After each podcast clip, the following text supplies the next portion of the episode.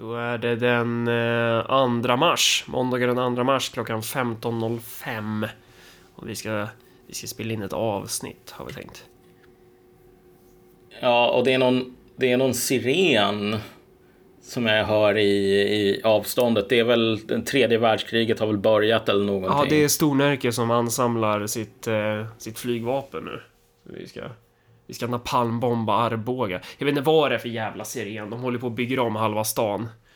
Så det vi ska ju införa superbussar nu för bara en miljard minst. Så det, det är som vanligt här med andra ord. Um, ja, nej, men vad, vad är grejen med de här superbussarna? Jag vet knappt. Alltså, det är väldigt dyra bussar. Det är att man ska ha en, en egen fil för kollektivtrafiken. Det heter ju så här Bus Rapid Transit eller någonting sånt där. Ja.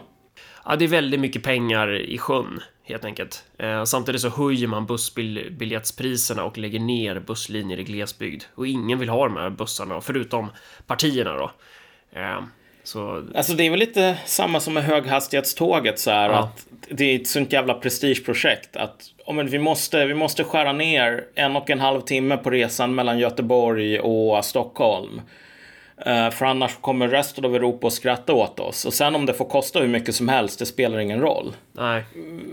Vilket visar på prioriteringarna man gör, att det är prestigen hos folk i Stockholms innerstad snarare än servicen till folk utanför de stora metropolerna som man prioriterar. Men jag blir typ paranoid. Det känns som att de vill att Örebropartiet ska få 50 procent. Alltså, för, för, majoriteten av örebroarna vill inte ha den här skiten. Det är precis som med kulturkvarteret och allt annat. Att de bara...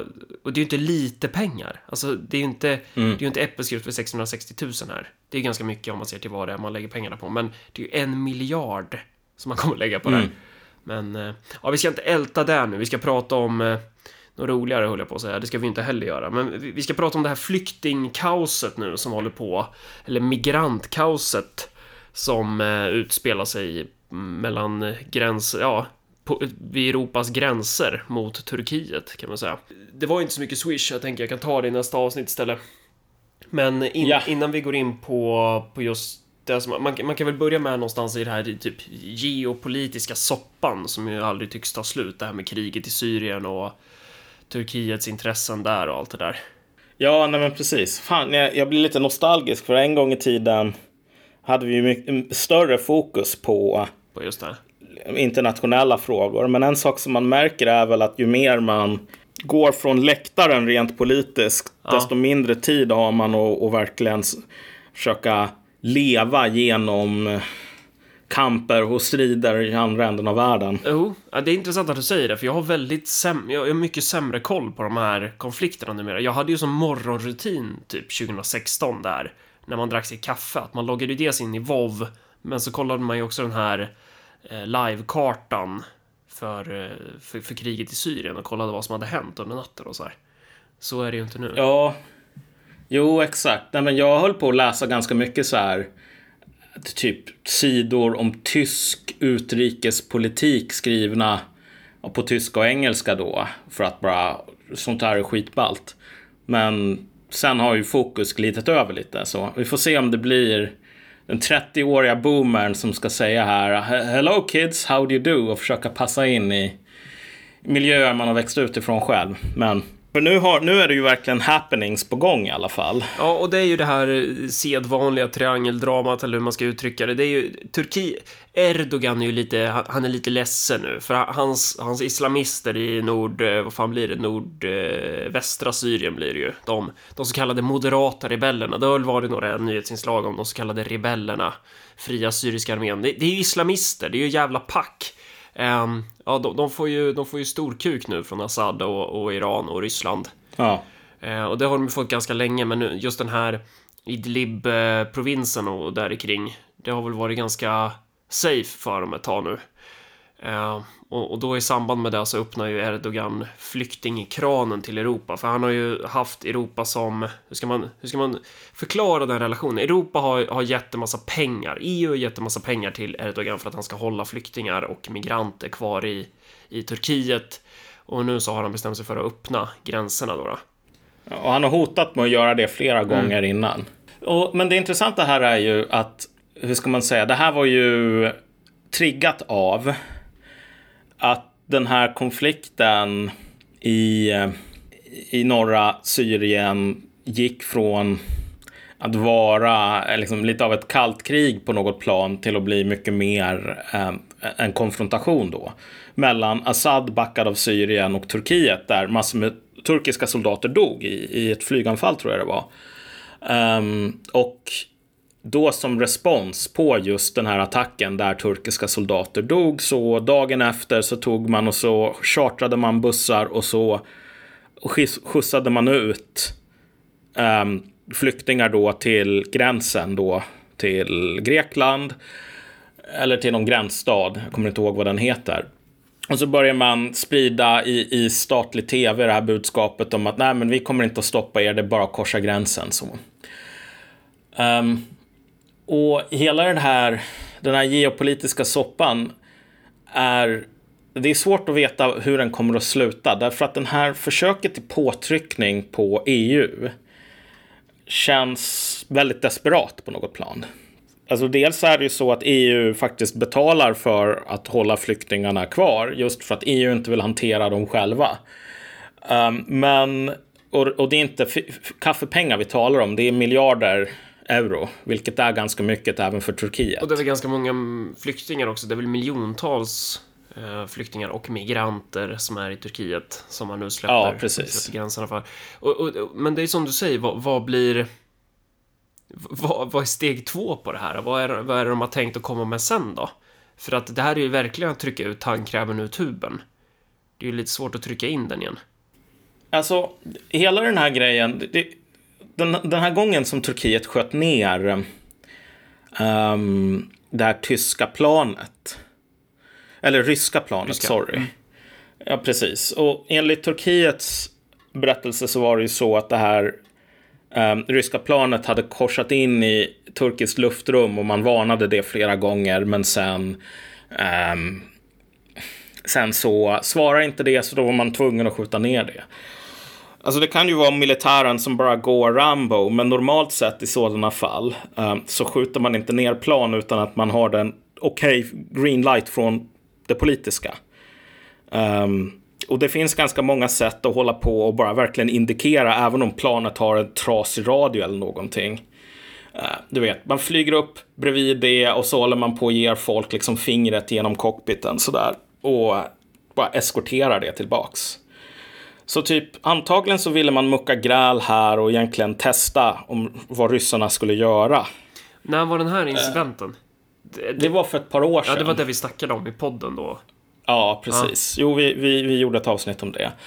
Men förvecklingarna kring det efteråt var jävligt fascinerande. För det var verkligen en sån här en, en jävla dans där man håller på att byta partner hela tiden.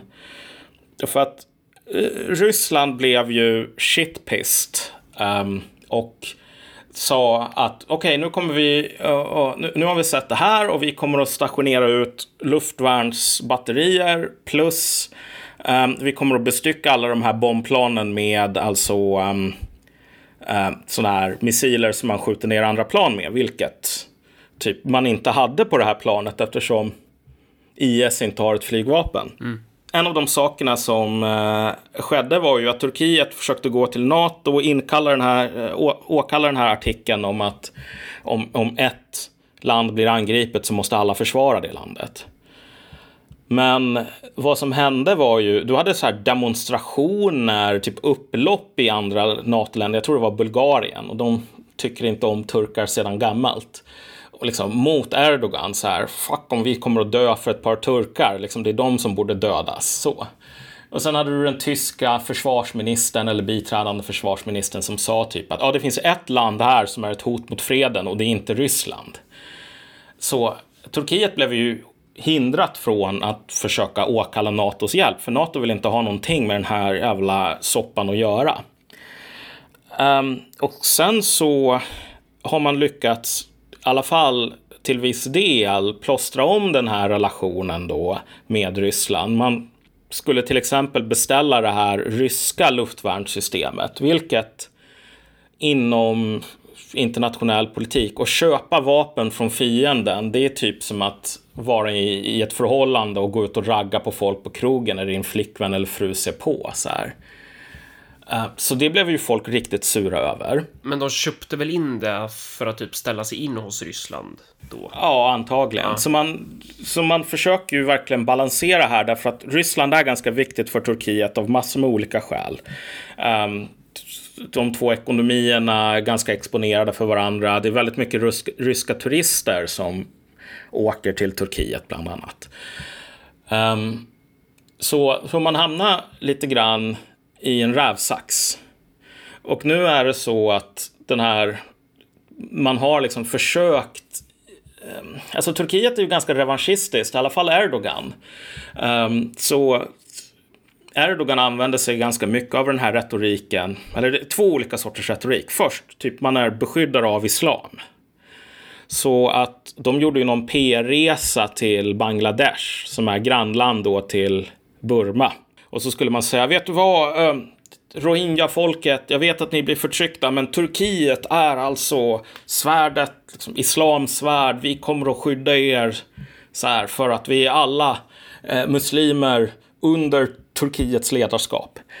Ehm, så man har försökt köra den grejen ganska mycket. Och sen så har man eh, talat om så här, det neo-ottomanska, du vet, återgå till ett, ett nytt ottomanskt rike här.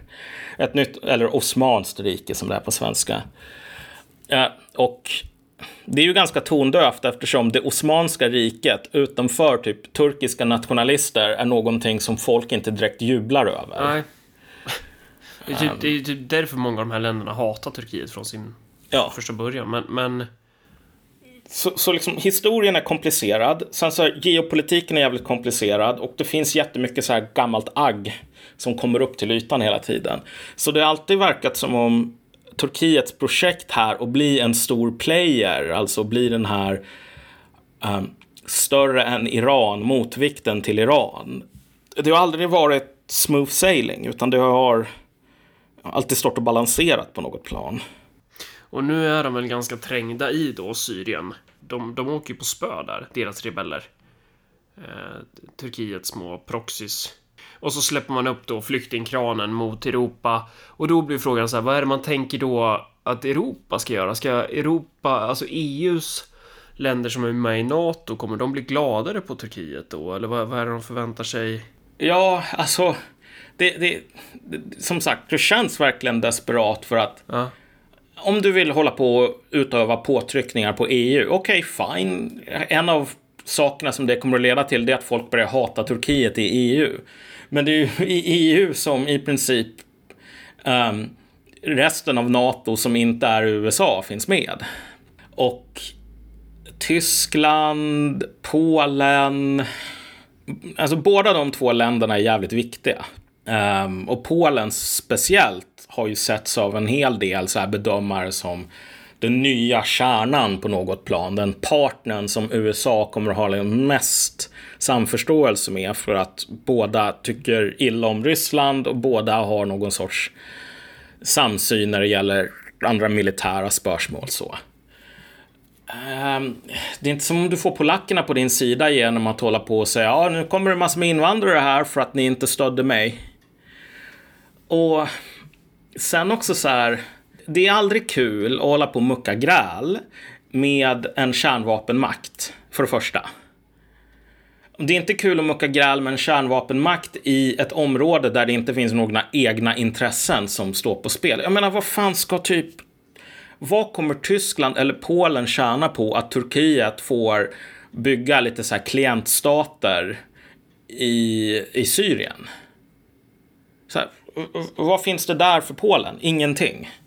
Det är jävligt svårt att få med sig folk på no, no, något projekt. Speciellt eftersom NATO är, i alla fall är tanken att det ska vara en defensiv allians. Och jag tror så här att, att Erdogan var väl väldigt trängd. Han behövde någonting att göra därför att han har väl dels en inhemsk opinion. Det är inte så att massor med turkar tycker om de här flyktingarna utan de vill ju helst ha ut dem också. Um, så att här kör han väl ett ganska farligt spel här genom att spela till den inhemska opinionen och den jingoism som finns här. Att så här, snart blir det ett krig mellan eh, månen och korset och bla bla bla. Den retoriken som han använt jävligt ofta tidigare. Men jag tror att han helt missbedömer vad reaktionen i Europa kommer att vara. Um, Europa är lite grann som, du, du vet sådana här folk som äger pitbulls och bara det här pitbullen, den är så himla fin. Snällaste hunden någonsin. Ja. Uh, och sen, du vet, två år senare så blir de ihjälbitna av den här jävla pitbullen därför att det är så här psykotiska hundar. Um, nu, nu, alltså, nu kommer du få alla pitbullägare efter dig. Ja, jo, men alltså, men, de är jävla freaks. Sorry, men, men I say it like it is, okej? Okay? Så här. Pitbulls står för, jag vet inte vad, typ en 70% av alla hundattacker. Peter, liksom... har ju, Peter har ju skaffat en sån här bullterrier nu. Så. Ja, men de är ju, de är ju lite mindre äh, dumma i huvudet i alla fall, så ja. grattis Peter. Uh, nej, men, men, det är typ pitbulls, de är liksom nummer ett, nummer två, ner till nummer tio i hundattacker och sen så kommer någon sån här dobermans eller någonting på så här tjugonde platsen. Hur som helst, alltså Europa är den här pitbullen på ett plan. Att de senaste, sen andra världskrigets slut, eh, eller egentligen mycket senare, därför att Frankrike och Storbritannien trodde ju fortfarande att de var alltså imperier fram till 50-60-talet.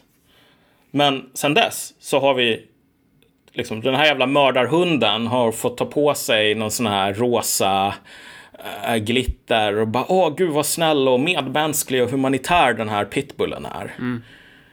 Och precis som vilken pitbull som helst så sitter ju de flesta eh, det liksom sitter i genen att man bara väntar på någon bebis som man kan slita sönder.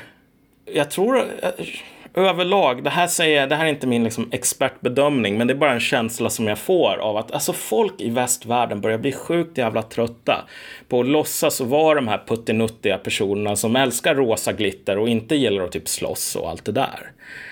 Jo, det är väl det som man håller på att väcka nu över hela europeiska kontinenten på något sätt.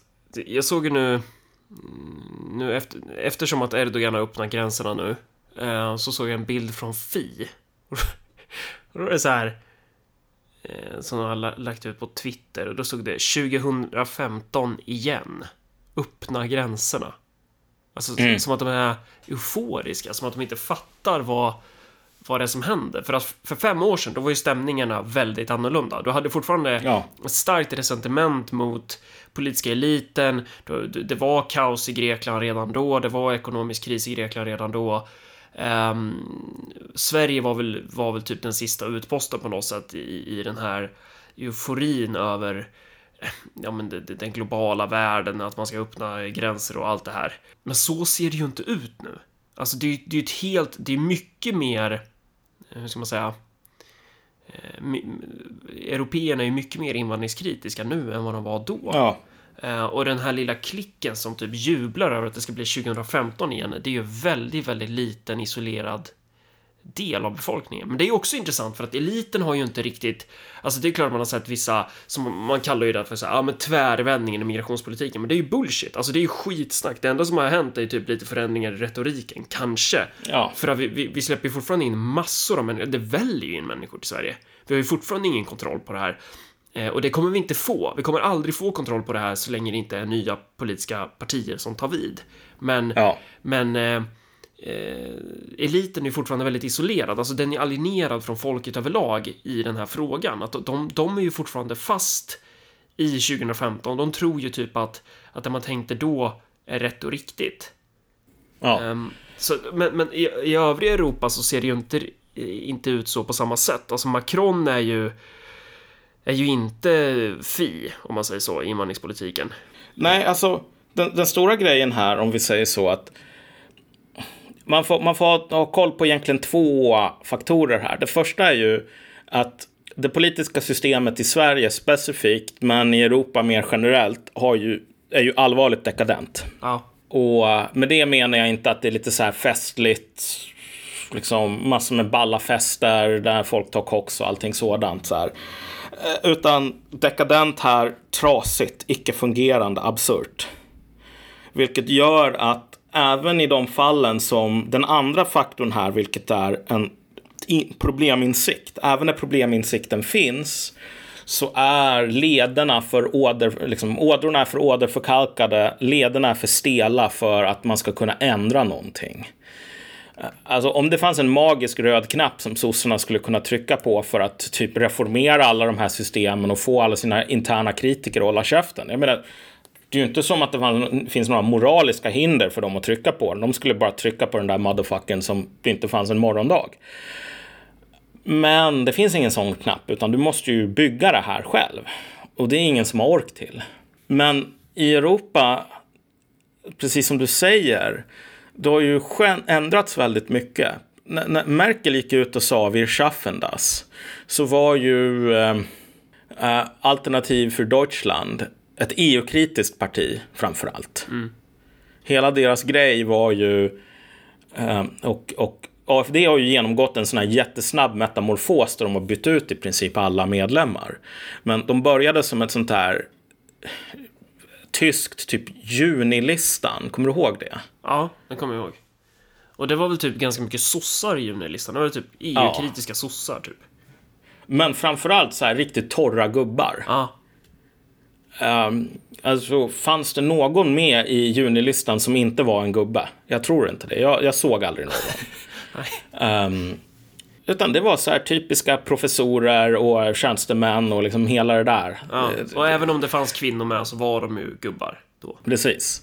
Men, eh, så det var AFD från början. Det är så här, EU är dåligt och grekerna är dåliga för att de är lata och vi måste betala dem massor med pengar och typ riksmarken var bra. Riktigt stark tysk valuta, inte en sån här bögig liberal valuta som eh, euron så. Um, sen så kom flyktingkrisen och sen så kom det, så blev AFD ett riktigt jävla populistparti med såna här Björn Höcke-typer. Där är det, det, är inte professorer direkt. Det är inte liksom professor Kalkyl som pratar om matematik, utan det här är eh, Blutenbåden mycket mer. Men det var ju på grund av den här flyktingkrisen. Och AFD då, det var ett litet pissparti som folk tog på lika stort allvar som folk tar junilistan på allvar idag. Um, idag så balanserar det politiska systemet på en allt tunnare hårsmån för att det inte ska tippa över och sen så är det de här människorna som har makten. Mm. I Tyskland är det så att man har skandaler hela tiden där det är så här folk i militären som kommer på att Nej, men vi kanske borde döda våra politiker för att de är landsförrädare.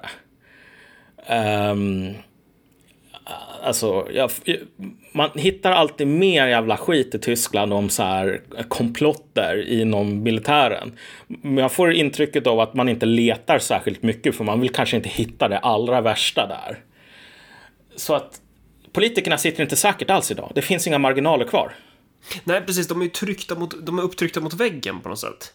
Eh, och, och, Macron, Macron vill väl redan ha en restriktiv invandringspolitik. Det är väl det han har, för han har väl svängt där ganska tydligt. Han var väl mycket mer globalistisk tidigare, eller hur man ska uttrycka det, att han var mycket mer så här liberal i den meningen.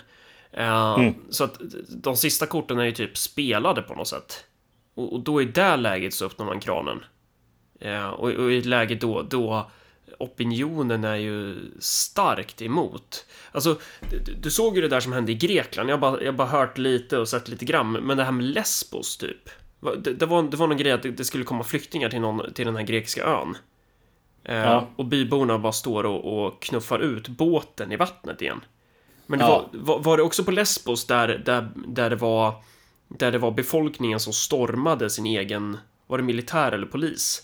Att de, polis? Ja, alltså det, det, det är regelrätta, eh, vad ska man, hur ska man kalla det, slag mellan befolkningen och våldsmonopolet över det här med huruvida man ska ta emot migranter eller inte. Eh, att, att det, det finns, det, det, det är på en nivå man har levlat upp på en ny nivå. Det är inte bara så här ja. eh, att man kastar ägg eller ja, kastar ägg har man väl inte gjort i grejer, Man kastar för fan bengaler på eller bengal, vad heter det? Såna här molotovs heter det för fan. Men det, det, har ju varit, det har varit våldsamt i Grekland länge, men, men, men det, är det, är en, det är en politisk upptrappning. Det, det, det är en upptrappning av den politiska karaktären i motsättningen mellan befolkningen och våldsmonopolet Ja. när man gör en sån typ av grej. Att så här, befolkningen typ försöker ta kontroll på sin egen ö. Att man, man motsätter sig centralmakten på det här sättet. Ja. Alltså, jo, den där grejen är ju helt jävla spacad. Um, det hakar ju in lite grann i, ett genomgående tema här, vilket är att sättet som vi har löst saker i, i västvärlden överlag de senaste 20 åren är ju att trycka på snusknappen mer eller mindre. Grekland förvandlades till en ekonomisk koloni mer eller mindre. Fick en Versaillesfred påtvingad sig. Och eh, under en period så verkar det som det eh, folkliga motståndet här, det var besegrat på grund av att Syriza hade sålt ut, KKE var jävla skämt, Gyllene gryning är så här typ nazister som inte kan hitta sin egen jävla ända med två händer. Så att det, det här trycket hade ingenstans att ta vägen. Och just att det blev lugnt ett tag. Det tolkade alla som, ja men nu är det över. Och det finns, alltså Europa har väl överlag, och, och vi säger att Sverige är fredsskadat, men det här är, ehm, det här är större än Sverige. Man har levt i det här Peter Pan-landet där det inte varit krig eller svält eller upplopp eller någonting sådant allvarligt på grund av att dels för att man har varit liksom så här um, tamdjur, typ huskatter åt den nya imperiemakten i världen som har inte vill ha konkurrenter. Men, men vi har hela tiden trott att så här, historien, det är någonting som händer andra människor och det där är inte på väg tillbaks för att så här, vi, vi, vi har transcenderat det. Men uppgifterna från Grekland här är, är osäkra, men det som folk har rapporterat är ju att folk har tagit sina jävla hagelbrakare och typ avfyrat dem mot polisen, så här legat i bakhåll och sådana saker med, med uppsåt att döda. Så att vi, det har varit flera olika incidenter. Någon menar att poliserna blev så här typ mer eller mindre inträngda i någon sån här militärbas och sen var tvungna att säga liksom okej, det är coolt, det är coolt. Kan ni sluta försöka döda oss? Vi kommer inte att göra någonting så här. Um, vid ett annat tillfälle så var det ju något hotell som poliserna eh, bodde på. Det, för situationen där är ju lite grann som Grekland efter den här våldtäkten på den här rullstolsbundna kvinnan. Att man skickar in förstärkningar från resten av... Du menar Gotland? Gotland, ja, sorry, Gotland. Du vet när man skickar in förstärkningar från resten av landet för att hålla lä- eh, koll. Så de bor på hotell och sen så kommer det någon sån här arg jävla pöbel till det här hotellet och bryter sig in och börjar spöa skiten ur alla poliser de hittar där. Du vet, normalt sett i Europa, och det här är de kravallerna som vi är vana vid. Och det är typ, det, det, det, är ju en sorts karneval. Alla vet ju ungefär vad reglerna är, ish. Som du tänker är den här i Limhamn.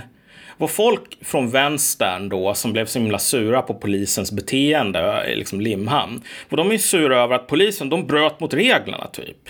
Liksom, det är verkligen det här, fattar inte ni att vi ska kasta gatstenar på er, men inte för mycket och så ska vi träffa skölden så att vi inte eh, skadar dig allt för mycket. Och så ska ni typ spöa någon av oss, vilket vi låtsas är jättehemskt, men liksom det är så här, annars får ingen adrenalinkickar om det inte är lite farligt. Det, det, det finns nästan som ett samtycke i våldet.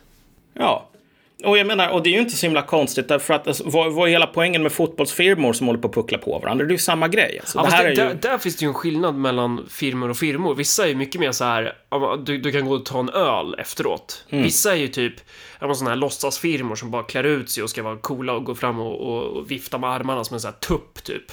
Så Mm. som fulla unga män gör när de ska slåss. Eh, och sen så, ifall någon då slår ner den här personen, då har man ju brutit mot de oskrivna reglerna för att regeln är att man ska ha sina kompisar som drar tillbaka en hela tiden på båda Mm. håll.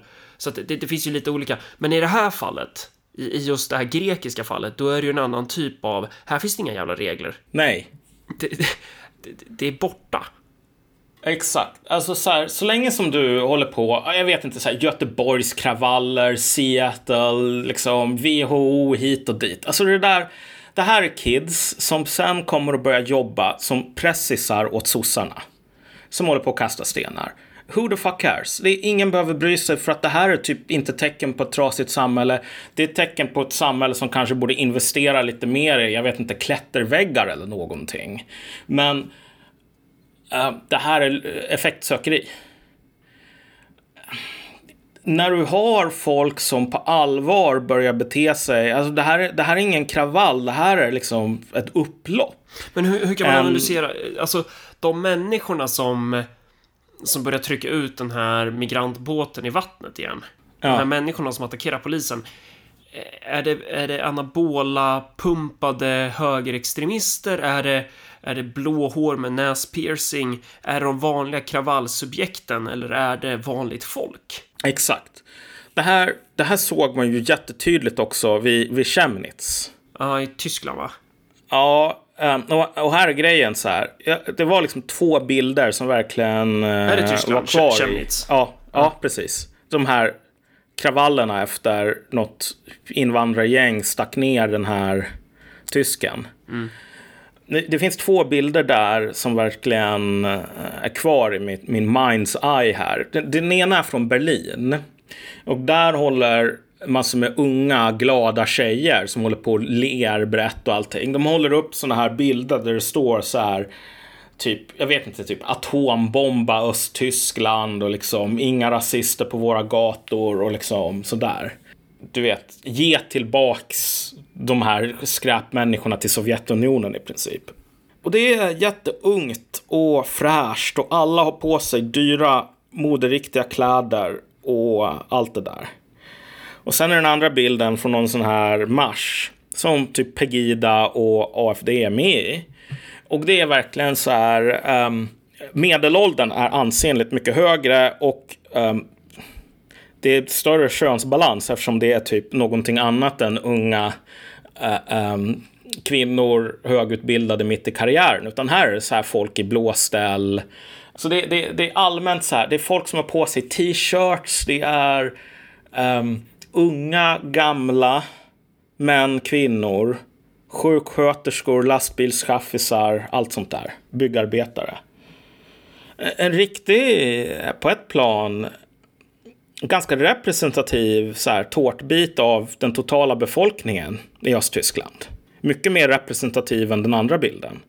Men i, i, i, propagandan här, i liksom hur man skrev den här historien från eliternas sida så var det ju så att nej men det här var bara jävla roid, liksom äh, äh, muskelknuttar som tar anabola och bara åh jävla så här, jag gillar kebab men jag hatar invandrare för att jag är dum i huvudet och förstår inte att utan invandrare så kan jag inte få kebab. Hö, hö, hö, kolla vad dum jag är. Um, det, det låg någonting desperat i hela den här bara bort med alla de unga arga männen som är losers. Mm. Som folk höll på att vifta. Därför att om du kollade på bilderna så var det inte unga arga män. Utan det var så som ofta sker historiskt. Mm. En hel del gamla gummor.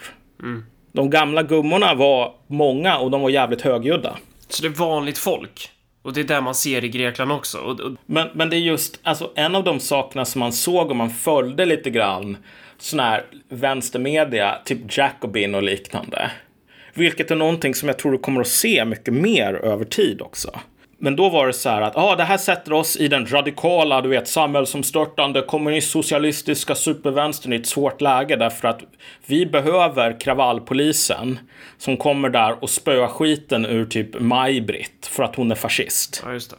Och vi, vi hatar ju egentligen kravallpolisen, men just nu så är de våra största allierade mot, mot den egna befolkningen. Mm. Och just den där, alltså man sa ju inte det på det sättet självklart, utan man hade ju, du vet, det jävla vänsterspråket. Uh, men, men just att någon bara säger att alltså, vi måste ju vara lite ärliga här med att polisen som håller det här folkliga missnöjet på mattan genom typ vattenkanoner och tårgas. De är på våran sida. Medan de här jävla rörmokarna, det är de som vi måste hålla och garantera vår egen säkerhet ifrån. Därför att rörmokarna, de hatar oss. Det är så intressant att du säger rörmokare. Ja, ja, ja, mockare, whatever. det, det, jag har massor med talfel. Ja, det är, det är någonting uppsaliensiskt. Men vad tänkte jag för någonting? De här människorna som håller på och, och när den här sagan om att det här bara är rasister. Alltså de som mm. återberättar den här sagan och som vill återberätta. För det, det ser man ju också, det är också så intressant i mainstream media kontra alternativ media. Alltså bara bildsättningarna på de här mm. um, migrantflödena. Um, eller det kan man väl också säga att, att, internationell media kanske ligger lite mer i svenska alternativmedias spår, att det, man ser att det är i huvudsak vuxna män. Därmed, alltså det, det är klart att det finns en annan riktig flykting där. Eh, det är mm. klart att det finns barn och det är ju, det är ju fruktansvärt att de blir brickor i det här spelet, men vad, vad fan ska man göra? Eh, alltså, det, det man har att spela med nu, det, det är ju... Man har ju redan försatt Europa och Europas arbetarklass i en viss situation. Man har ju mm. redan eh, försökt berätta den här sagan för sig själv om att de, de enda som är kritiska mot det här, de enda som, som eh, får uppleva konsekvenser av det här, eller så tycker att man upplever konsekvenser av den förda migrationspolitiken, ja men det är korkade rasister. Samtidigt som man då berättar att, att de här som, de, de som flyr från de här, eller flyr, de som migrerar, så, de som rör sig hit av en eller annan anledning, det, det är rådjuret Bambi. Ja. Och den här sagan, alltså man kan ju inte hålla fast vid den hur länge som helst, men det är ju det som är frågan hur länge de kommer vad som kommer hända med, med de här, med, med eliten i Sverige. För vi har ju fortfarande tväröppna gränser. Vi har ju fortfarande eh, en, en helt absurd migrationspolitik. Um, och nu, nu, kommer, nu kommer det miljoner människor hit till Europa igen. Ja, det, det återstår att se hur många som kommer att komma. Jag tror att gränsskyddet kommer att vara... Alltså om du, om du kollar på den där videon där det är bara massor med vanligt folk som står och skriker på de här flyktingarna som, som anländer i hamnen. Och, och använder sina järnrör för att putta ut den här båten. Liksom, när de försöker komma nära kajen så ska den liksom ut i vattnet igen. Alltså de ser helt jävla perplexa ut. Som en så här rådjur i, i, i billyktan ungefär det här var nog inte vad de fick höra från människosmugglarna sådär. Liksom, nu kommer du till Europa, landet flödar av mjölk och honung och sen står det folk med facklor och träpålar ungefär och bara skriker ut härifrån. De har ju ingen aning om hur de ska reagera. För, för, för hela den här grejen har inte handlat så mycket om flykt utan om ett, ett nytt liv sådär. Eh, och nu verkar det som om det här nya livet, de här dumma rasisterna har dragit undan det en sak som är lite av en hakar in i det som du sa tidigare. Nu har det ju varit någon sån här, jag har inte följt den noggrant, men en sån här skandal med typ alltså riktiga slaveriförhållanden, alltså så här riktiga slavarbetare i Malmö. Vet du vad de slavarbetarna jobbade? Ja, men de jobbar på Möllevången. Ja, såklart. Men det, det är bra, hörru du, så vi slipper gentrifieringen. För man måste ha den här härliga falafeln för 20 kronor. Som ju bara typ finns i Malmö. Alltså, det, men det blev ju ja, till och med tjafs om det där när, när det var någon, någon typ food truck som skulle öppna och det var typ falafel för typ svenska priser, inte Malmöpriser. Och då var det så här ja. autonoma träskvänster nere i den där idiotstaden som gick bananas för att så där kan vi ju inte ha det. Ja, och, och jag tänker bara så här, okej, okay, så det här är vad vi är just nu. Att de områdena som du hittar folk som är så jävla moraliskt goda och skriver resten av befolkningen på näsan över deras inskränkta rasism. Där har det varit lite av en öppen hemlighet att säga, ja, ah, fan, vi har massor med bokstavliga slavar här. Alltså, det, det, är verkligen Platons republiken här att okej, okay, på grund av att slaveriet existerar och så, så ska vi ha de här jävla filosofkungarna som just för att de inte behöver jobba um, är, står över resten av befolkningen som är liksom fast i sina egna behov. Och jag bara tänker så här, den tråkiga marxistiska invändningen skulle väl vara att typ en person som förlitar sig på andras arbete inte kommer att ha en avsaknad av egna intressen utan kommer att försöka hitta alla sätt att dölja sin eget beroende av slavarbetare genom att förklä det i massor med olika moraliska rökridåer. Vilket är vad vi har sett med den här så kallade socialistiska vänstern under hela liksom, det här årtiondet. Mm. Människor som är fullt medvetna om att det stora problemet med svenska arbetare eller husnigrer, det är ju inte deras rasism. Det är ju att de vägrar att vara slavar. Mm.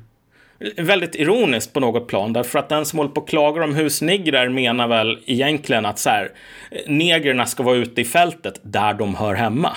Mm. Um, och det har ju varit den stora hemligheten här, att de här människorna, de hör hemma ute på fältet. Men sen så har vi en massa lata, vita, privilegierade arbetare som vägrar att inse att filosofkungarnas leverne kommer och måste finansieras genom mer och mer svett och blod och tårar från de här otacksamma arbetarna som tror att de har rätt till polit, politisk representation eller fungerande levnadsstandard. Men vad tror du då? Hur tror du att de här goda kommer agera nu då? Alltså, vad, alltså om vi leker med tanken att de här migranterna kommer till Sverige, vilket de ju såklart kommer göra. De kommer typ alla, alla, alla länder kommer typ stänga sina gränser och så kommer man bara ha en liten smal korridor hela vägen upp till Skandinavien. Och sen kommer det, kommer det komma, det kommer komma väldigt många människor hit. Jag har mm. svårt att se att det inte skulle komma väldigt många människor hit nu när de har gjort så här. Um, hur tror du då att våra partier och politiker kommer att agera? Jag tror att de kommer att göra allt som är möjligt för att få inte trigga den egna interna, alla de här tro och solidaritet-människorna, de här galna eh, domedagskultisterna så. Man vill inte ha bråk med dem, det har man inte råd med. Eh, man är för lat för att syssla med utrensningar sådär. Så, så man vill försöka blidka dem. Men sen så kommer man på, på alla sätt som man kan att försöka, jag vet inte vad, skicka dum-dum-kulor till eh, Carl Gustav raket granatgevär sådär till, um, till gränspolisen nere i Grekland och bara skjuta ihjäl dem innan de kommer hit. Tror du det? Um, tror du man kommer... Jag tror inte man kommer göra någonting. Nej, nej, nej, nej, alltså, nej, man kommer inte att göra mycket, men alltså så här, det är ju inte dum-dum-kulor som saknas där nere heller.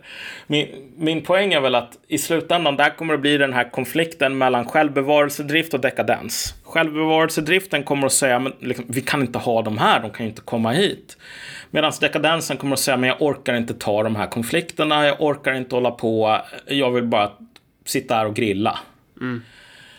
Och i det svenska fallet så tror jag att dekadensen har överhanden riktigt rejält.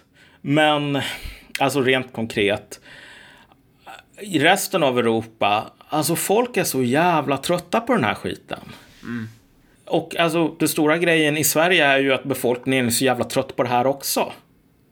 Allt det här jävla snacket om att du vet, ja ah, men uh, du blir kissad i munnen och rånad, så ja ah, men det är på grund av att vi inte, du har inte betalt nog med skatt, du har inte betalt nog med pengar. Så här. Såg du den där jävla juristen som SVT hade bjudit in till sitt nya debattprogram när Lamotte var med?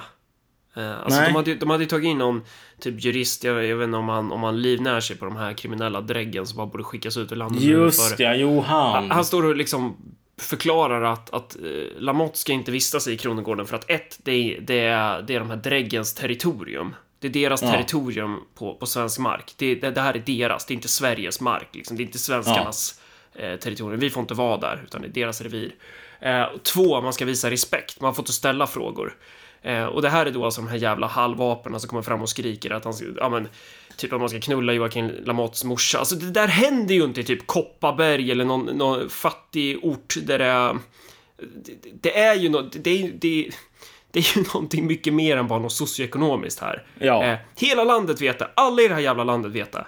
Alla vet det. Det har ju funnits en efterfrågan på politiker som bara ska kunna representera sin befolkning de, de senaste typ 5-10 åren. Men det händer mm. ju ingenting. Det är samma sak med den här jävla corona-grejen nu. nu. Nu har vi ju det avsnittet, vi ska släppa det. Vi snackade ju lite om det för något avsnitt sen också, men, men eh, jag ska släppa det idag tror jag. Jag bara bli klar med det. Men... Eh, alltså hur man än alla problem i vårt samhälle kan ju summeras i bristen på kontroll. Det är, det är ju mm. där konflikten är. Där är den politiska konflikten idag. Mellan de som vill ha kontroll och de som inte vill ta kontroll. Nej men alltså här tror jag, här tror jag att du, du använder fel ord. Kontroll vill de här människorna gärna ha. De vill kunna kontrollera allting. Men vad man inte vill ha, det är ansvar. Ansvar gentemot den egna befolkningen. Är det verkligen kontroll de vill ha? De vill väl ha... De vill ja, men ha godis. Alltså, i termer de vill ha makt. De vill ha... Ja, de... jo. För kontroll, det är ju ansvar, alltså med kontroll krävs... Kontroll kostar någonting. Kontroll kräver din uppmärksamhet. Du kan inte ha kontroll om du inte är uppmärksam på någonting. Jo, jo, men, men jag tror att i, i, i sättet som de flesta människor använder ordet så, alltså, Ja.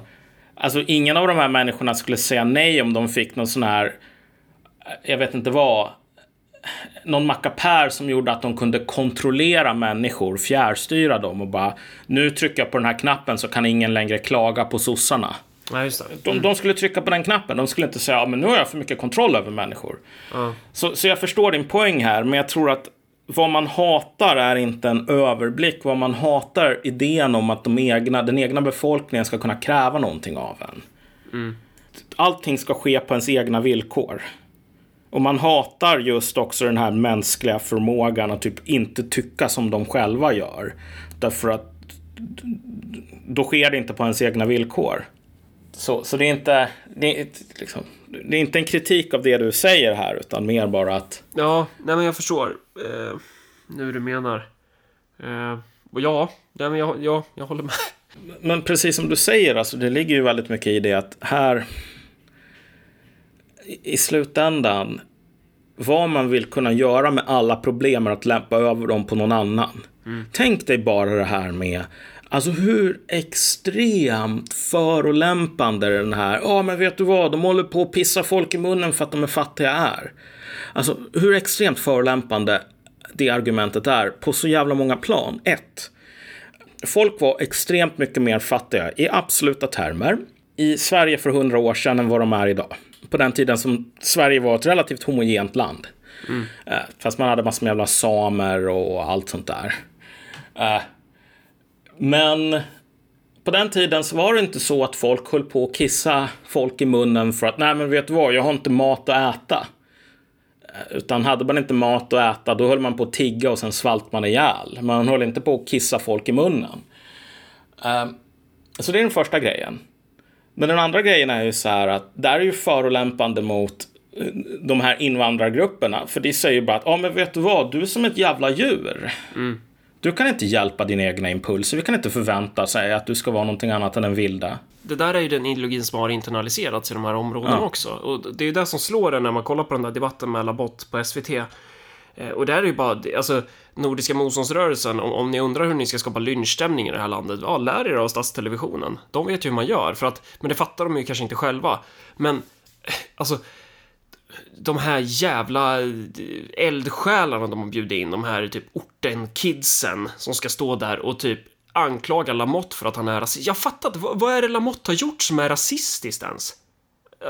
De står där som om de skulle vara tvärsäkra på att han är någon jävla nasse typ. Och även om han var det, då får de väl gå och filma på någon jävla torg. Eh, Men de har ju också internaliserat samma ideologi som är det här med, nej men det är korrekt. Det, det, är- det, det, det är ju samma sak med det här med någon som blir våldtagen och så säger man, ja men du hade ju för kort kjol på dig. Ja, men Lamotte, Lamotte står på ett torg och filmar. Det, det är inte en ursäkt för att flyga på honom. Det är inte, en ursäkt för att bete sig sådär. Men den här, den här ideologin är internaliserad och den är inte bara internaliserad hos kriminella as, den är internaliserad hos segment av befolkningen. Eh, Ja. som, som tycker att det är självklart att man ska, citat, visa respekt. Man ska inte ställa en viss typ av frågor. Gör man det, ja men då är man nog rasist. Eh, de här människorna, det är synd om dem. Om, om samhället bara hade gett lite mer tribut, om man bara hade gett lite mer godis, då hade allting fungerat. Det här är vad de har fått höra sedan barnsben. Det här, är, Ja. det här är vad de får pengar för till sina olika ideella projekt från politikerna. Det är, det är ju det här man hyllar. Det här är ju, det är ju, det är ju, ett, det är ju ett fel som går så långt upp på politisk nivå så det är ju, det är ju det är så djupt rotat i hela ideologin överhuvudtaget där. Ehm, och det är sånt feltänk. Och, och att ingen bara så här, när den där idioten säger så här, man ska visa respekt, någon borde gå fram och bara skalla honom. Bara skalla Ja. honom. Alltså det är programledarens uppgift att gå fram och skalla honom. Ja, alltså det är det enda sättet man visar respekt på. Därför att, vet du vad? Om någon säger så här, men jag är bara ett djur, mata mig snälla, annars kommer jag balla ur och bara riva upp din soffa. Ja, Uh, vet du vad man gör med djur som ballar ur? Man avlivar dem. Uh, det finns en jävligt stor, alltså om vi tänker oss våran förhållande till djur så här, som håller på, typ en, en varg som håller på och tar massor med får eller något vildsvin som håller på att mucka gräl med människor hela tiden. Vet, det är bara så här, man avlivar dem. Det är inget större moraliskt problem, därför att det här är inte människor. men det är så sjukt också att, att, att att ingen bara har sagt till de här, men fattar ni inte vilka jävla konsekvenser det blir av att stå och hävda det här, att stå, stå och ljuga om att han är någon rasist. Att ingen, att ingen går fram, utan istället så applåderar man bara “Kolla, hon kan prata! Åh, hon är aktiv i en fotbollsförening, vad duktig hon är!” Att det, det, är ju, det är ju den typen, man behandlar ju inte dem som människor. Det är samma sak som den här personen, han är där, eh, Seido i Centerpartiet i Örebro, som mm. säger åt mig att jag ska integrera mig i mitt eget jävla land. Det är så naturligt för honom att säga det, för det är ingen som har sagt till honom att, att typ, hur, hur skevt det är. Det är ingen som tar replik på honom heller för den delen i, i fullmäktige. Han är helt jävla fridlyst. Det är ingen ja. som svarar på någonting. Det kommer fram moderater till mig efteråt och bara Ja, det var bra att du sa att han svamlar för jag har aldrig förstått vad han säger. Men då har man inte haft, haft förmågan att kunna säga det till honom själv, typ. Ja, men det här är ju det här är ju det stora problemet idag. Att, alltså om jag var ute efter att framkalla något geligt raskrig i Sverige. Ja liksom för att du ens ska få något sådant till stånd. Alltså det som du behöver det är inte att hålla på och samla på dig vapen. Det här är ett av världens vapentätaste länder. Utan vad du behöver i slutändan för att raskriget ska komma igång, det är en avhumanisering. Mm. Människor mår dåligt om de håller på att döda andra människor. Därför så måste man komma på olika rationaliseringar för varför de man dödar. De är bara djur, det är som typ Old Yeller som har fått rabies så behöver man skjuta honom.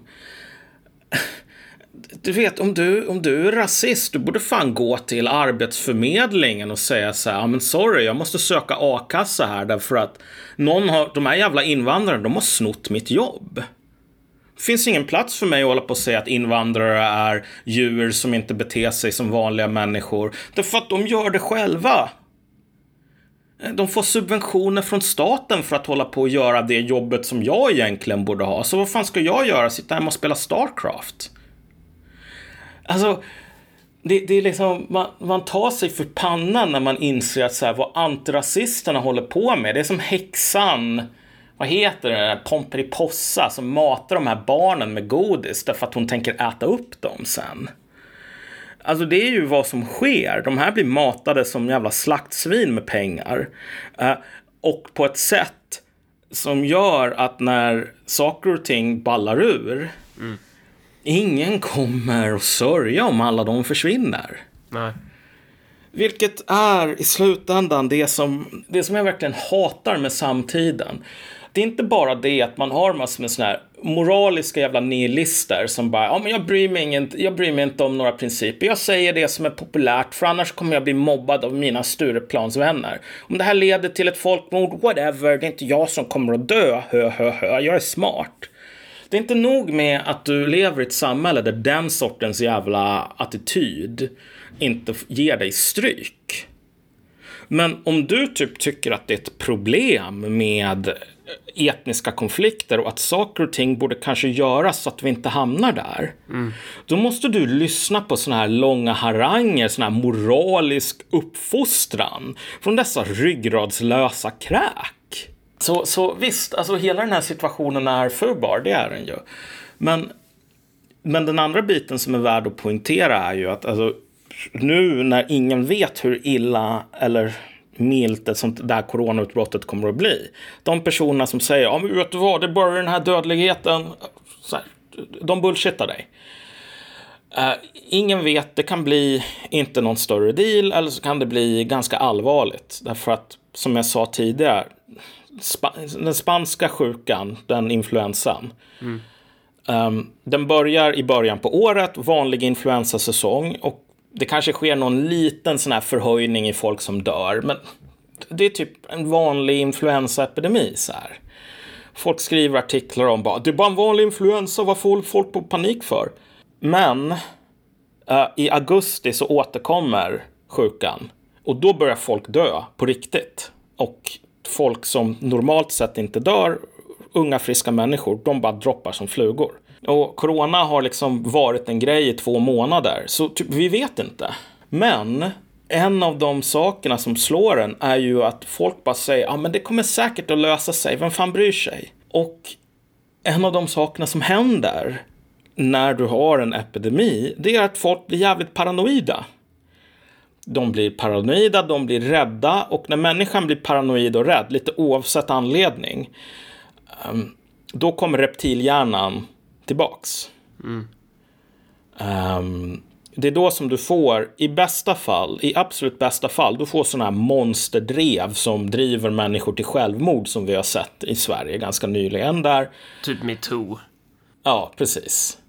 Det är den mildaste versionen på en sån här social stressrespons. De mycket mer allvarliga och kanske till och med vanligare versionerna rent historiskt involverar jävligt mycket fysiskt våld. Hur funkar det rent uh, spontan tanke? Men, just de här dreven som vi haft i Sverige, de har ju ofta varit initierade och påhejade främst av, uh, av the usual suspects. Ja. Folk inom uh, ja, mellanskiktet. Vi har väl inte riktigt haft den typen av folkliga drev på samma sätt. Metoo var ju inte ett folkligt drev. Um, det är väl sällan folkliga drev i Sverige. Nej, nej, men precis. Men det är någonting som gör mig mer oroad än, än lugn. Därför att om du ser det, liksom, det folkliga drevet, det är Chemnitz. Den modellen som jag tror är användbar här, jag har i åtanke, det är att som när du spelar Mech Warrior eller någonting och du har massor med laserkanoner. Det byggs upp massor med hetta i din mech. Eh, och om den här hettan går upp till 100% jävligt dåliga saker händer då. Men eh, det finns alltid en knapp där man kan trycka som liksom, där man ventilerar bort all den här hettan. Eh, och mänskliga samhällen har en sådan knapp. Men ventilationen här, den är egentligen bara beroende, inte av typ folks ideologier eller någonting sådant, utan det är liksom nästan en fysisk mekanism. Så att oavsett om du lever i ett kommunistiskt eller ett kapitalistiskt eller fascistiskt eller liberalt samhälle så ventilationen ser ut ungefär på samma sätt, följer samma mönster. Och um, den ignorerar ideologi. Och vad vi har sett fram till nu när du talar om mellanskiktet. Alltså många av de här dreven har varit riktigt ruggiga. Jag tänker specifikt på den här, du vet, vad fan heter det nu? Det var ju den här eh, demonstrationen typ i USA med den här tonåriga killen i en Make America Great Again keps. Och så var det någon native american. Det var en bild på, på, en, på en indian. Nu är jag jätte-OPK här. Uh, I någon sån här traditionell utstyrsel-ish. Och sen en tonåring som typ småler och har den här kepsen. Ja, just det. Mm. Och alla drog så här superlångtgående slutsatser från det. Att det här var liksom kolonisatörer och liksom de var där för att trakassera den här indianen. Sen visade det sig att det var precis tvärtom. Men, men de här kallades, det här blev liksom the Covington Boys eller the Covington Incident. Du, alltså, du såg folk, så här kändisar som bara sa jag kommer att betala liksom en så här lösensumma till den som dödar de här tonåringarna. Och du vet, ingen blev ju fan ens bannad från Twitter från att liksom vara med i den här totala jävla psykosen. Um, folk ringde upp de här barnens föräldrar. Är det där du menar med ventilation då, eller är det... Okej. Ja, exakt. Alltså du vet, det är väldigt svårt att säga bara, ja men du vet, nu läser jag de, liksom John Locke. Och här ser jag varför typ liberaler tycker att det är okej okay att säga att vi måste döda den här tonåringen för han har ett dumt leende på käften. Eller varför typ Rawls argumenterade för att man ska ringa typ till kompisarnas föräldrar till den här killen och bara försöka få dem um, sparkade från jobbet och hota med att våldta deras döttrar och sånt där. Liksom. Utan det, det är så här, när du har den här enorma stressen, det leder till liksom liknande panikrespons. Men varför är den responsen så ofta centrerad kring en viss skikt av människor? Eller har jag fel? Ja, nej, nej, du har inte fel. Nej. Men jag skulle säga så här att det är just på grund av att det här skiktet av människor, så som vi har pratat om lite grann i tidigare avsnitt, är ju det som de håller ju på de, de är de som är mest inne på det här att jorden håller på att ta slut. Vi står inför en apokalyps. Men min diagnos där har ju varit ganska länge att så här, det här är människor som tolkar um, slutet på sin egen värld, sin egen materiella klassposition som slutet för hela världen och sen blir ganska koko bananas på grund av det. Björn Wiman säger allt är över, repent, repent. Därför att allt är nästan över för hans jävla skrå. Um, tiden som du kan bara vara en Björn Wiman och leva innanför tullarna, den är över. Återigen, så hur tror du de kommer agera då? För jag har ju svårt att se att de här, de här migranterna inte kommer komma till Sverige i en ökad mm. takt. Um, det, det, för, för, det här blir ju tryck någonstans. Eh, drev är ju en liten form av ventilation. Progromer är väl en annan. Ja. Jag skulle väl, om, om jag var tvungen att ta gift på det här så skulle jag nog säga så här att den här sortens kravaller som du ser i typ Chemnitz och Grekland idag, det kommer att vara en mycket mer av en arbetarklassgrej. Mm -hmm. mm. Men den här behovet till ventilation mm. finns på båda sidor här. Om du tar emot massor med människor i en krissituation och de har extremt uppskruvade förväntningar på att allting ska flöda av mjölk och honung så här för att du vet de vita västerlänningarna de har liksom de sitter som Joakim von Anka på en enda stor pengabinge men det är bara deras snålhet som ja gör att de vägrar att dela med sig. Om du har den sortens attityd och du möter ett Europa som bara jävla piss och inte har tid för dig och vill att du bara ska dra därifrån. Antagligen så kommer du få se jävligt mycket um, mer sånt här förnedringsvåld. Mycket mer sådana här totalt irrationella typ attacker på vilket var en sak man såg under eh, i flyktingkris nummer ett, så här, liksom våldtäktsfall där man bara hoppar på, du vet. Det är en kvinna som går med barnvagn med sin vän mitt på dagen i någon jävla park. Och så kommer det någon typ afghan och bara hoppar på den här. Alltså det här är inte tecken på, du vet, det här är kriminalitet som, som, som men pratar vi, om, pratar vi om samma sak nu? Pratar vi, är det här också ett exempel på ventilation då? Eller hur? Ja, vad, är det, vad är det för snurrig metafor? För att, för att, vad är det då för ventilation? Det, det, jag trodde typ att definitionen var någon form av kollektivt ackumulerad stress. Ja, jo, jo, men jag tror att den kollektivt ackumulerade stressen sker oftast genom just sådana här, alltså drev, häxprocesser och liknande. Men den kan också ske genom individuella så kallade vansinnesdåd så här, som typ inte passar in i den här rationen. När vi tänker så här en våldtäkt. Men vilken jävla idiot till våldtäktsman ska försöka anfalla en person eh, mitt på dagen i en jävla välbesökt park som man vänder med sig. Liksom, det funkar ju inte. Du kommer ju inte ens att typ kunna fullborda den här jävla våldtäkten. Men utifrån den här att du vet, man måste liksom få ur sig det här resentimentet alltså, du behöver inte leta länge för att hitta liknande idiotiska fall liksom, i, i, i typ västländer som befinner sig i akuta kriser. Men, men just, när, just när det gäller det här med ventilation, det för det är ju någonting vi är inne på här nu. Mm. Det här är ju inte färdigtänkt, det här kommer ju, på, det här kommer ju nu ju. Mm. Eh, vad, hur vad är det som gör, vad är det som skapar det här behovet då? Vad är det som bygger upp, alltså varför, varför är det en kollektiv... Alltså, vi människor är i slutändan jävla sociala primater. Eh, ja. Med, du vet, en hjärna som... Liksom, vi, vi håller ju på och är så himla stolta över, vi kan hålla på och resonera logiskt och liksom ja. tänka filosofiskt och så vidare. Men den delen av hjärnan är ju den, egentligen den minst, så att säga, utvecklade i termer av hur länge den har varit med oss.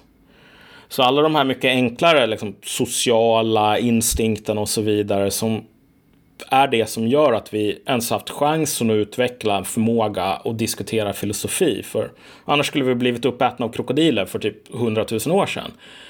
Alltså alla de delarna, de verkligen kommer fram. Och de, den här liksom panikresponsen, typ lynchningar och liknande som vi tycker är hemskt. Ja, visst är det hemskt, men det är fortfarande evolutionärt fördelaktigt.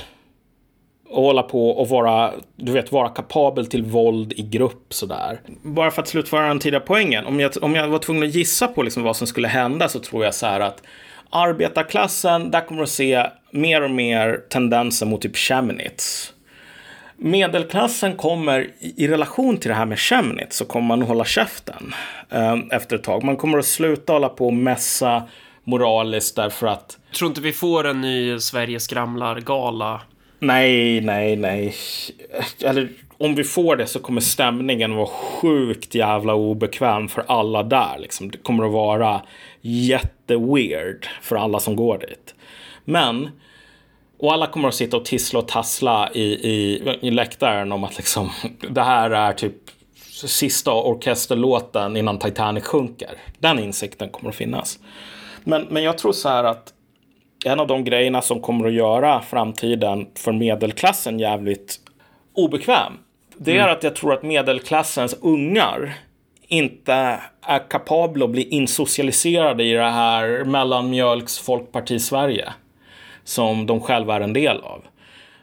Um, jag tror överlag att om vi ser såna här svenska kickersgäng, svartskjortor, saker i den stilen. Um, det kommer inte vara Soldiers of Odin. Uh, det kommer att vara jävla zoomers. Från den eh, eh, någorlunda bemedlade medelklassen. Det kommer att vara folk, inte som är ute så här på skolorna nere i Gottsunda, utan på Katedralskolan i Uppsala. Som kommer att vara, jag menar, eh, någonting liknande tycker jag mig kunna se med den svenska nynazistiska rörelsen historiskt. Eh, som du sa någon gång att alltså, att vara den där nazisten vars mamma lök, röker gula Blend under köksfläkten, det är liksom lite... Det, det, är någonting som kamraterna kan skratta lite grann åt. Mm. Och jag tror vi kommer att få se, just på grund av att vilka är det som är offren för det här förnedringsvåldet? Ja, det är ganska mycket, inte så här grabbarna grus i eh, vad det nu kan vara i Kopparberg, utan det är jävligt mycket den, den här transferiatets ungar.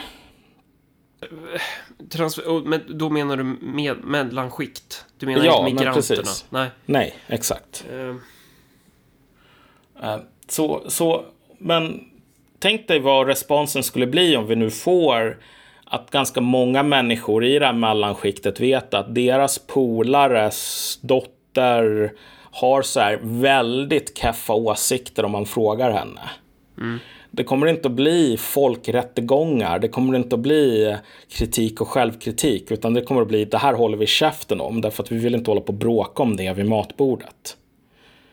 Sen om Hampus och Pontus och Linus är ute lite sent på kvällen och kommer hem med lite så här blåmärken runt knogarna.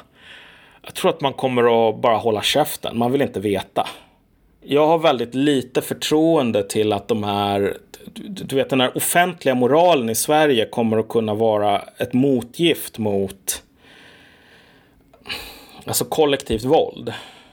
Därför att jag- den offentliga moralen handlar inte om att motverka kollektivt våld. Den säger att den gör det, men det är inte dess sociala funktion. Den sociala funktionen är att hålla den svenska, den inhemska arbetarklassen, det interna proletariatet för att använda en term från en historiker. Eh, hålla det interna proletariatet i de allt mer dekadenta liksom, väststaterna här på mattan man bryr sig inte om invandrarna och man bryr sig fan inte mer om invandrarna än om sina egna barn. ja, eh, fick vi ett avsnitt där eller? Ja, ja det kanske vi fick, hör du. Har vi, har vi avhandlat någonting? Det blev ju lite repetition på det vi snackade Alltså det blir ju samma ämne som förra avsnittet typ i slutet. Men... Eh, eh för, för det viktiga, det var ju just det här, hur kommer flykting, flyktingströmmen påverka Europa? Typ. Känner vi att vi fick... Det, ja, men det har vi pratat om ändå. Ja, nej men, ja, men precis. Alltså att de stora punkterna här är ju att det finns inte längre marginaler för de här stora partierna att kunna säga wir schaffen das längre. Vad betyder det ens? Wirtschaftendas? Och vi klarar det. Jaha du. Det är Yes lite we så här, can. Ja, den, den, den tyska motsvarigheten på nu ska vi alla sjunga We shall overcome. Ja. Nej, precis. Det är väl det som är den centrala poängen som vi försöker få fram här någonstans i, i det här avsnittet att, att eh, det, nu står man mot väggen. Man kan inte backa mer typ. Exakt, men sen också att den här sortens, det som jag lite otympligt kallar den här ventileringen. Ja. En av de sakerna som kommer att bygga upp hetta här som liksom måste göras av med på något sätt. Det är en epidemi. Epidemier orsakar en jävla massa med weirda sociala grejer. Typ flagellanter. Där behöver det då inte finnas en, en direkt, vad ska man säga, eh, relation mellan att det är migranterna som släpar in epidemin, utan det, det, det, kan vara helt separerat. Det är bara det att en Ja. epidemi skapar i sig själv en kollektiv stress. Ja, Eh, men det Ja, kommer, ta, det kommer te sig uttryck då, kan te sig uttryckt i etniskt våld. exakt. Du Ja. vet, du vet så här en blixt typ. Som är så här krokig och allting sådant. Alltså den här krokigheten är ju egentligen inte så mycket krokighet. Den här blixten väljer alltså den, den mo, minsta motståndsväg ner till marken. Um, det är liksom vad, vad, vad blixtar gör. Vilket är lite grann hur, hur ska man säga, den, den mänskliga hjärnan också funkar i någon, i, i sin sociala liksom, förmåga här. Att det, det handlar i slutändan inte om fakta. Ingen bryr sig om fakta när väl den här urladdningen kommer.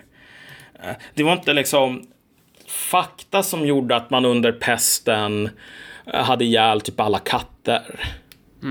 Ehm, utan man behövde ha ihjäl någonting. Dödar man inte massa judar under pesten också, eller? Jo, det gjorde man också.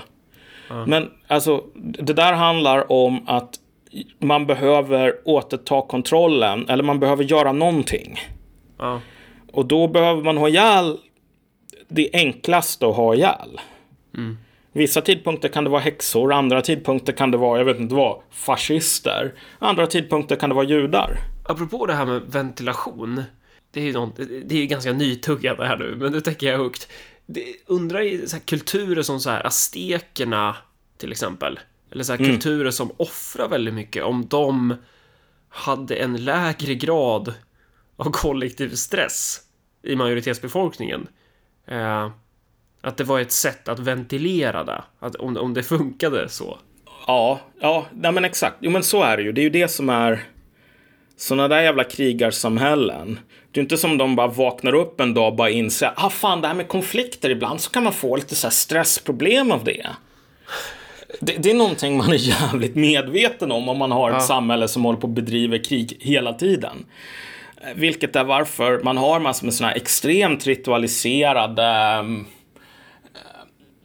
ehm, ja, ritualer då där man gör massor med konstiga grejer. Man spelar en fotbollsmatch och förlorarna blir liksom så här offrade av vinnarna som sedan blir offrade av typ publiken eller någonting. Alltså väldigt mycket av sådana där grejer som vi bara Porqué? Uh, typ väldigt många av de sakerna har någon sorts social funktion. Det är inte bara vildar som gör vilda grejer. Men vi som samhälle, på grund av att vi lider under den här hemska ideologin som kallas progressivism, där vi tänker oss att allting gammalt är automatiskt värdelöst och allting som är nytt automatiskt bra, så monterar vi ju ner alla delar av liksom, de, de, de sociala normerna, tabun, liknande. Det är bara, vi fattar inte vad funktionen är med det, så vi kastar ut det. Vilket gör att de här sakerna kommer att komma tillbaks på ett antagligen ett väldigt primitivt sätt. Så här, om, om det inte finns bromsvätska i bilen Ja. så blir det svårt att bromsa eller någonting. Om det inte Jo, finns motorolja så kommer de, motorn överhettas. Då måste man ventilera. Man måste... Ja. Ja, nej, men du vet, principen med en åskledare i slutändan är ju att en åskledare är ingen som säger till blixten bara försvinn härifrån. Utan en åskledare är ju ett, ett, ett enklare sätt att ta sig ner till marken än typ att slå in i någon jävla elledning och typ fucka upp när Jonte sitter och spelar Fortnite. Ehm, det är därför vi har åskledare. Och vi, men som samhälle, rent socialt, så har vi nog monterat ner alla åskledare. Just för att alla bara tänker sig så här att men hallå, vi är civiliserade europeer. De enda som typ får eh, oväder, blixtoväder, det är dumma oga-boga-människor i Afrika eller Asien. Oj shit, nu blev det i Balkan, men de är inte riktiga europeer. Så det, det är ändå okej. Liksom, sådär. Att man måste hela tiden täcka upp det här med den här jävla chauvinismen. Men jag tror att det kommer att sluta som alla andra gånger där man har försökt att behandla människor som någonting mer eller mindre än människor på grund av chauvinism. Så här. Britterna sa ju, ja men vet du vad, gulingarna, japanerna, de har så snea ögon så de kan inte flyga jaktplan, så vi behöver inte ha något luftförsvar. Sen så kommer de här jävla riktigt bra jaktplanen och bombar skiten ur den. Um, så att den där sortens rasism, oavsett om den, vem som lägger fram den, det är de mest finaste ledarskribenterna som säger Hallå, svenskar, de är civiliserade. Medan folk i invandrargettona, de är djur. Och jag säger det här för att jag är antirasist. Så här, oavsett vad du kallar det så kommer det där att bita dig i röven förr eller senare. Mm. Ja, Men vi kanske sätter punkt där. ja, jag får mejsla ihop något av det här, så får vi se. Men vad fan, eh, ja, hej då, säger vi. Hej då!